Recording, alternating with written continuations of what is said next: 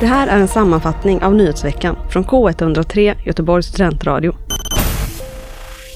Lisebergs vattenpark Oceana ska byggas upp igen. Det meddelar Lisebergs styrelse efter ett extra insatt styrelsemöte. Stora delar av vattenparken förstördes i storbranden förra veckan. Samt så hittades en person avliden inne på Oceana efter branden. Enligt SVT Nyheter meddelar Kurt Eliasson, ordförande för Lisebergs styrelse, att branden inte ska stoppa utvecklingen av Liseberg. Eliasson uppger att Liseberg är en viktig del av Göteborgs identitet, samt så spelar nöjesparken en stor roll för den västsvenska besöksnäringen. Hur återbyggnaden av vattenparken ska se ut är fortsatt under planering. Dyrare med purjolök och kaffe, men billigare med vindruvor. Ja, matpriserna gick upp något i januari jämfört med förra månaden. Det visar statistik från SCB. De varor som ökade mest var te, kaffe och kakao som ökade med 4,8 procent samt olja och fetter som ökade med 2,9 procent. Den produkt som ökade allra mest i pris är purjolöken som gick upp med 31,9 procent. Men det är ett par varor som gått ner i pris också. Frukt och grönsaker, mineralvatten och läskedrycker har gått ner mest. Den vara som gått ner allra mest i pris är vindruvan som minskat med 22,2 procent.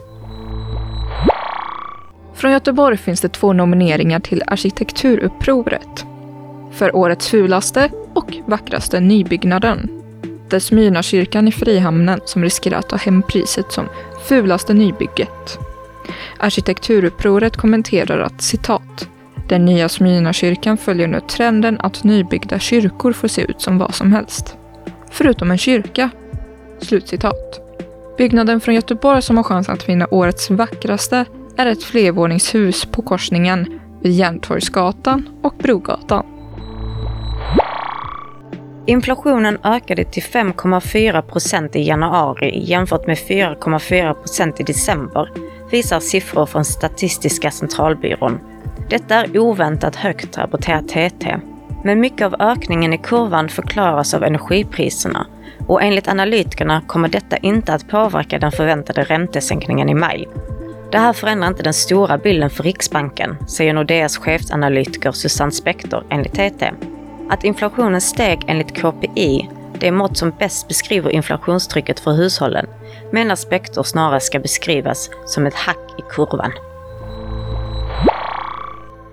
Den göteborgska teatergruppen Adas teater ställer in föreställningar efter hot från Belarus säkerhetstjänst.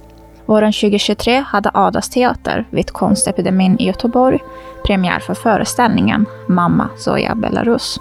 Föreställningen var i samarbete med en teatergrupp från Belarus och handlade om begränsningen av konstnärlig frihet. Detta var då en del av ett större projekt som har pågått sedan 2018. Och genom åren har teatergruppen i Belarus utsatts för påtryckningar från Säkerhetspolisen. Och Göteborgs-Posten rapporterar att situationen för teatergruppen har blivit värre och att medarbetarna från Belarus inte längre vågar fortsätta med samarbetet. Andras teater har nu ställt in sina föreställningar i Västra Götaland, Stockholm och i Uppsala.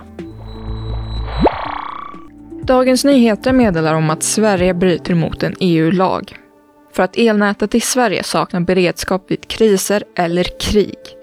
Dessutom åtgärdsplaner för elnätets kollaps som borde egentligen ha varit på plats 2019.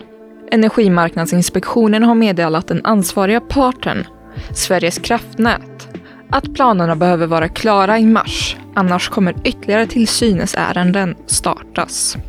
Jorun Kardell, vikarierande chef för Svenska kraftnät, kommenterar till DN, citat.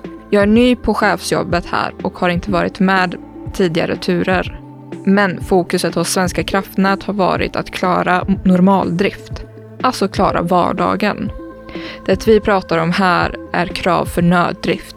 Men klarar vi inte normaldriften är vi illa ute. Slutcitat. OpenAI släpper teaser för ny tjänst. Den 15 februari presenterar OpenAI, känd för bland annat ChatGPT, sin nya tjänst Sora. Tjänsten ska kunna skapa realistiska videoklipp med flera olika aktörer och händelser som är upp till en minut långa. Dessa kan genereras med hjälp av text och stillbilder. OpenAI framhåller att den nuvarande modellen har svagheter att återge komplexa effekter och att skilja på vänster och höger. Sora är nu tillgänglig till säkerhetsansvariga som ska undersöka riskerna med verktyget och till bland annat ett handfull konstnärer och filmskapare för att ge feedback till tjänsten. Det ska även tas fram verktyg för att avgöra om en video är skapad av Sora. När tjänsten ska lanseras är fortfarande oklart. Vid årsskiftet ska det komma svenska riktlinjer för sociala medier.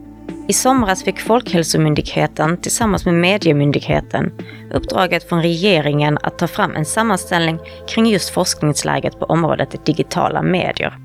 Där omfattas förutom sociala medier även sådant som spelande.